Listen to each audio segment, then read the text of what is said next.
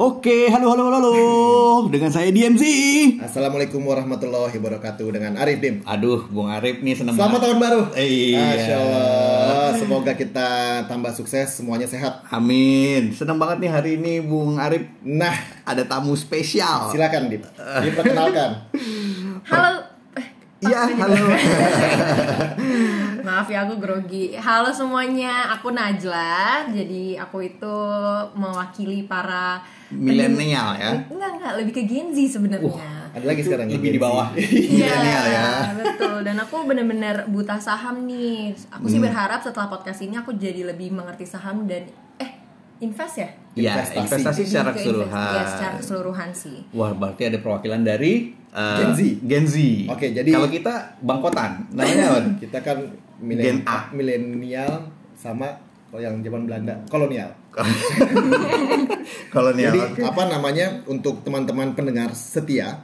Jadi kalau sekarang itu edisi kita adalah eh, ini kita punya feature gitu. Biasanya kita kalau ngobrol ngomongin market eh, at this time karena adanya eh, permintaan dari Gen Z, permintaan dari Gen Z ini bahwa eh, mau belajar apa sih yang kita omongin gitu. Iya, karena katanya ada lumayan berat nih materi kita gitu. Jadi ini eh, ibaratnya eh, tema khusus. Eh, Gen Z bertanya, Bangkotan menjawab. Iya.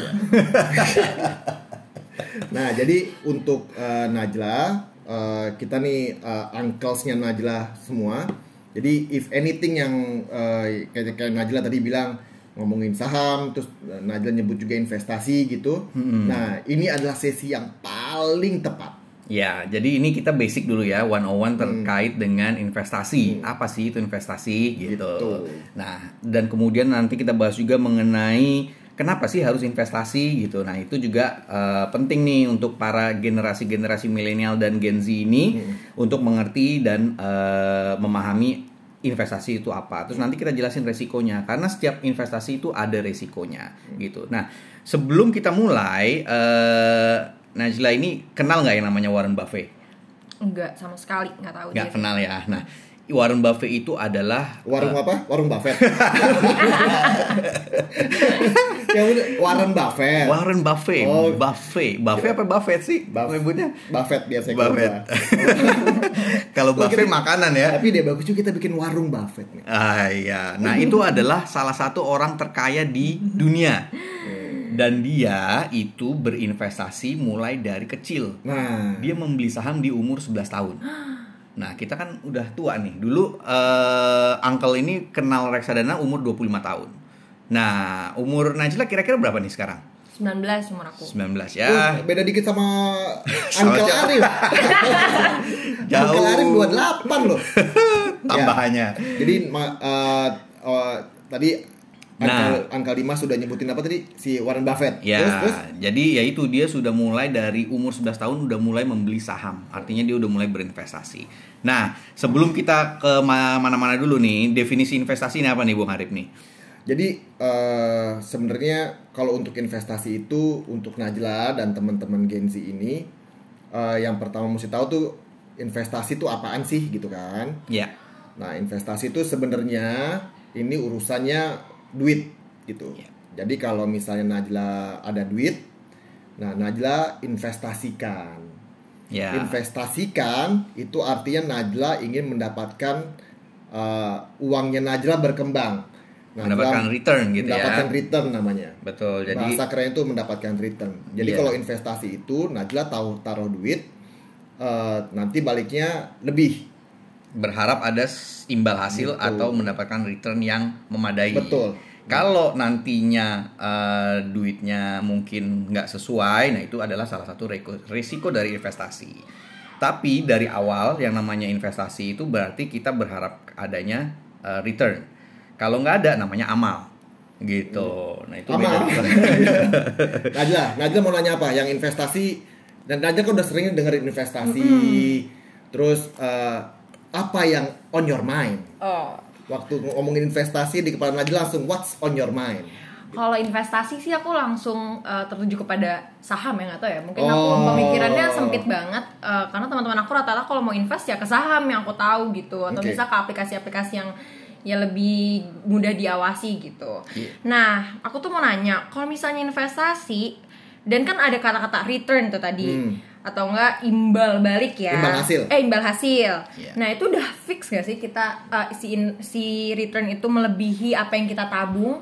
Wah, ini good biar question ini. Ini biar Angkal Arif yang jawab. Wih, nih, beri, beri, beri. Ini Angkal Arif yang jawab.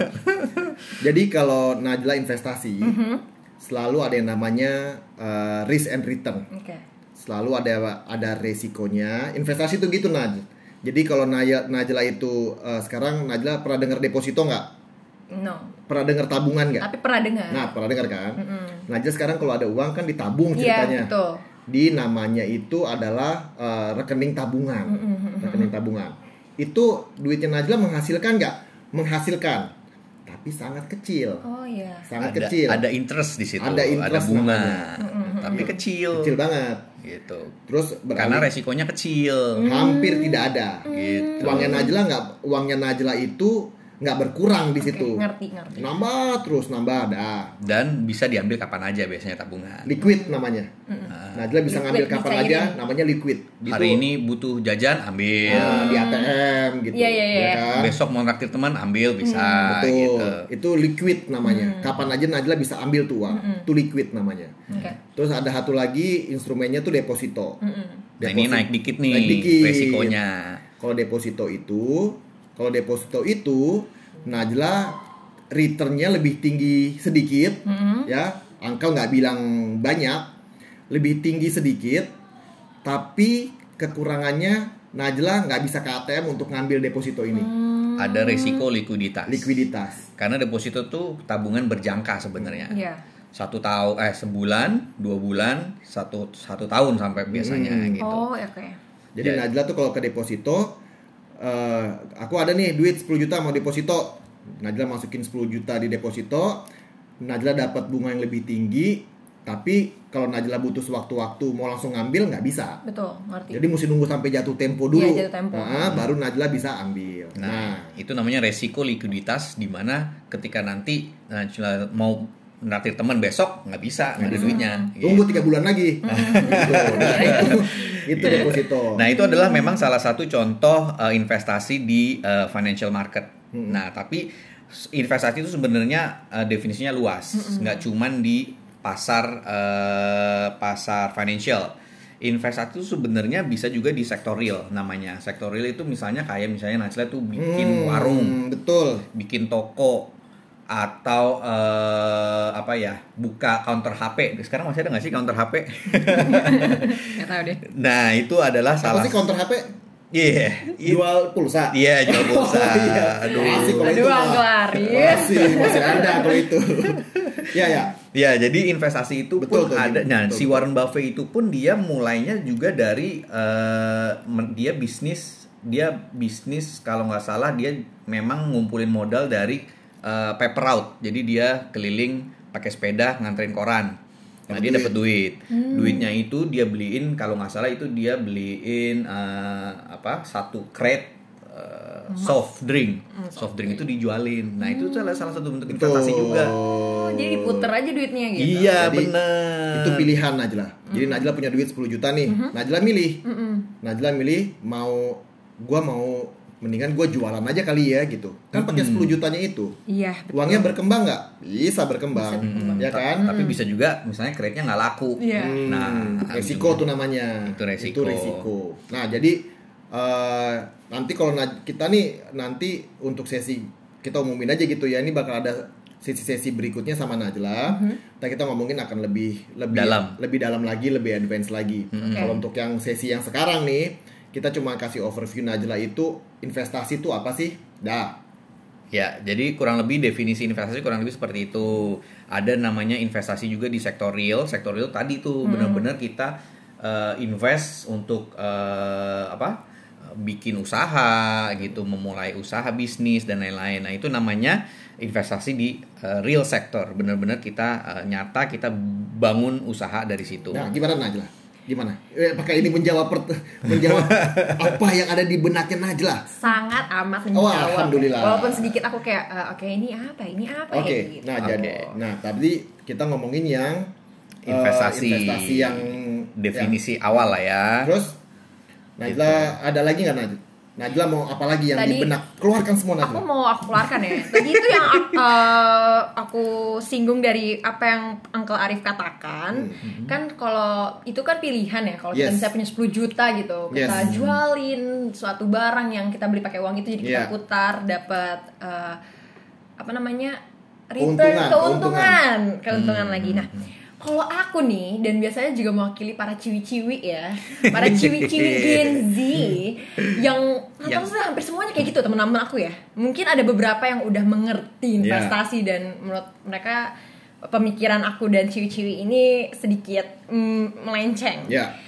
Aku tuh pun sempet punya uang lumayan banyak gitu ya di tabungan nih. Terus kalian jajankan semuanya. Betul banget. Aku nggak tahu aku apa itu saham. Iya, iya, iya, iya. Jadinya kayak wah ada suatu market yang bisa aku borosin nih duitnya di situ. Oh, gitu. iya. Jadi belanja-belanja online. Betul Di betul. akhir dari sesi ini nanti Uncle Dimas akan jelasin uh, secara secara apa namanya secara gamblang. Oke. Gimana sih ngatur-ngatur kayak gini gitu, Ya. porsi-porsi tabungan dan segala macam. Nah, kembali lagi. Nanti Najla punya pocket-pocket tuh. Ada ini buat yang nabung, ini yang buat uh, Jajan. jajan, ini yang buat diinvestasi. Nanti Uncle Dimas akan cerita Hmm, Oke. hmm. gitu. Nah, terus habis itu kan tadi eh, eh, aku dengar Najla tadi nyebutin saham, ya kan? Nah, nih eh, tanamkan di benaknya Najla investasi itu semakin tinggi resiko dari sesuatu instrumen. Apakah itu sektor real, apakah itu sektor eh, paper, financial, Hmm. itu selalu dibarengi dengan potensi keuntungan yang lebih tinggi. Jadi kalau misalnya di kita dulu belajar itu namanya ada namanya aksioma. Aksioma itu adalah satu ngeri ngeri ngeri. ngeri ngeri ngeri ngeri satu pernyataan yang sudah diyakini kebenarannya intinya kayak gitu Hmm. ada satu eh, tadi pernyataan tadi yang sudah diyakini kebenarannya dalam dunia financial Betul. Satu, salah satunya adalah ada banyak nih salah satunya adalah high risk high return Heeh. Semakin tinggi tingkat resikonya maka ekspektasi orang returnnya semakin Tinggi. tinggi, atau sebaliknya kalau misalnya Najwa di na- eh, ditawarin suatu resiko yang eh, misalnya gini ada temen eh mau nggak join nih kita bikin usaha guaranteed eh, 12% 15% setahun? Eh, nggak usah ngapa-ngapain. Nah itu harus hati-hati karena itu pasti ada resikonya. Nah semakin tinggi misalnya ah 15% ada yang nawarin 30% nah itu pasti ada resikonya di situ. Oke. either dia tipu-tipu malah justru gitu kan. Tapi ada juga yang mungkin bener tapi dia nggak nyebutin resikonya gitu. Jadi harus hati-hati. Setiap ada orang yang misalnya nawarin suatu investasi dengan tingkat return yang tinggi di dunia ini nggak ada yang namanya high risk low return, tuh Return, nggak iya, ada. benar. nggak ada yang maunya enaknya doang eh, tapi resikonya nggak mau gitu. Jadi selalu itu adalah satu hal yang eh, menyatu high risk high return begitu juga sebaliknya kayak tabungan tabungan itu bunganya kecil Hmm. tapi resikonya kecil Mm-mm. gitu deposito itu resikonya lebih tinggi tapi bunganya juga lebih tinggi nah nanti kita akan belajar selain Yes. dua itu apalagi sih Betul. yang semakin lama semakin meningkat resikonya sebenarnya tapi dengan harapan eh, apa tingkat returnnya semakin tinggi yang bisa didapat gitu Berarti ini bisa dijadiin acuan juga untuk para yang nggak ngerti investasi gitu-gitu biar nggak kena tipu. betul Oh iya. Berarti kalau mis berarti keep in mind aja kalau high ri- eh, high return itu udah pasti high risk juga guys. Jadi Betul. jangan langsung Nah. oh mau nih gue invest ke sini. Ya. Iya, Hilang gitu duit.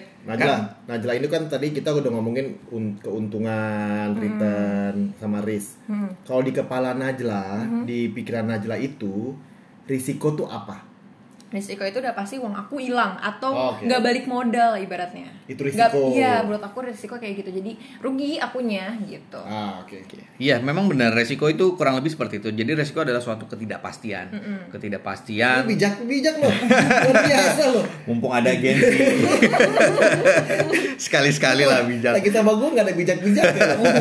Di sini jadi bijak gitu loh. Iya, ngomong apa tuh tadi? Ah, lupa. gue juga lupa lu Oh, iya. high risk and ini risk. Iya, ketidakpastian. Resiko adalah suatu ketidakpastian, baik itu ketidakpastian terkait dengan return yang bisa didapat Oke. gitu. Atau misalnya yang tadi, misalnya eh, kita mau mulai investasi, mulai bisnis, itu pasti ada resikonya di mana bisnis kita either nggak laku gitu kan. Either kita podcast ini juga nggak didengerin juga ada resikonya. Betul. Tapi ada untungnya nggak? Nggak ada. Nggak ada. Jadi kita ngapain amal amal. Ini Amal. namanya Ini amal. amal, amal jariah. Iya. Iya, jadi ini kita amal ya. Iya. education. Nah, jadi gitu, Najla. Nah, di so far nih kita udah ngobrol 15 menit. Eh, Najla ada nggak masih yang mengganjal terkait sama investasi ini? Enggak, enggak. Aku udah Oke. ngerti sekarang Ini luar investasi biasa. apa. Luar Ini biasa. either Najla yang pinter apa kitanya yang pinter juga jelas. ya anyway, Atau dia nggak enak tuh. sama angka soalnya. Ngerti kok. Iya, Nah, oke. jadi- nah, sekarang kita mulai nih berarti sekarang misalnya kita sudah mulai eh, mencoba untuk berinvestasi misalnya gitu kan. Nah, jadi ada pilihan tadi kan, mulai investasi di sektor real sama financial market. Biasanya di sektor real itu nggak cuman invest di uang doang. Hmm. tapi invest di tenaga. Jadi kayak kita bisnis salon, itu kan kita bikin peral apa beli peralatannya, tapi kita juga harus berkecimpung di situ Di gitu situ. kan. Eh, juga kalau misalnya kita eh, bikin butik gitu kan, kita juga tetap mendesain dan segala macam. ya. Nah, basically kalau sektor real tuh biasanya kita juga harus ikut Harus terjun dalam terjun. di dunia itu. Cuman kalau financial market itu biasanya kita eh, naruh duitnya, kita analisa nih di awal Iya. kira-kira yang menarik apa, resikonya seperti apa. Tapi begitu kita sudah menginvestasikan, biasanya kita cuman em, perhatiin dari jauh lah, observasi istilahnya. Tapi kita nggak bener-bener eh, involve di eh, dunia itu gitu. Nah, jadi eh, mungkin sekarang pertanyaannya adalah, eh, Najla ini punya impian apa nih ke depannya? Wes ngeri. Duh, Mau apa Najla? berat nih. Takut salah ngomong. mau nikah misalnya mau jalan-jalan atau mau bikin usaha itu juga adalah impian kira-kira sekarang eh, kuliah kan ya Iya. nah setelah kuliah kira-kira mau ngapain Impian aku sih habis kuliah aku pengen traveling ke luar negeri. nah Aku juga mau bikin uh, buka praktek, Hmm. mengetahui kalau aku itu psikologi. ya, psikolog nih ya calon psikolog Allah, amin. dia udah ketemu psikopat duluan Bisa konsul dulu om. gitu nah ya benar berarti jadi misalnya punya impian eh, nanti mau jalan-jalan jalan-jalan itu sebenarnya eh, investasi juga loh kita melihat dunia Cie, keren gak ya bijak gue ya Iya lu bijak loh. Gue rada gak suka sama lu hari ini. Lu sama gue gak pernah sebijak ini loh. Nah, itu bisa dihitung sekarang. eh, misalnya mau backpackers atau mau eh, yang seru pakainya backpackers ya. Kira-kira mau ke mana nih eh, travelingnya? Pengen traveling ke Asia dulu. Kalau lebih baik lagi sih ke Indonesia ya. Soalnya Indonesia. Oh, luar biasa. Bijak juga ternyata. Duta pariwisata, Duta pariwisata. Amin. Indonesia. Duta wisata. Semoga Menteri Pariwisata mendengar. nah, ya itu berarti kalau misalnya kita mau keliling keliling Indonesia itu kan pasti butuh duit ya, setidaknya butuh transportasi, hotel, akomodasi dan lain-lain. Nah, itu kita hitung kira-kira biayanya berapa. Mungkin kalau Indonesia nggak terlalu banyak ya, misalnya Iya. tapi kalau misalnya kita udah ngomongin Asia misalnya ke Iya. Jepang, itu kan Jepang mahal ya. Lebih- Kalau nggak salah ya. Biasa aja. Ya, itu contohnya kalau misalnya kita mau keliling Asia. Nah, itu misalnya butuh duit berapa sih kira-kira? Nah, itu kan udah bisa dikalkulate nih. Misalnya eh, misalnya nih ya, 50 juta nih kayaknya nih butuh gitu kan. 50 juta ini harus kita dalam lima tahun itu Najla harus punya duit 50 juta. Caranya gimana? Caranya kita bagi berarti 50 juta Atau dalam dong 50 papa tahun. mama.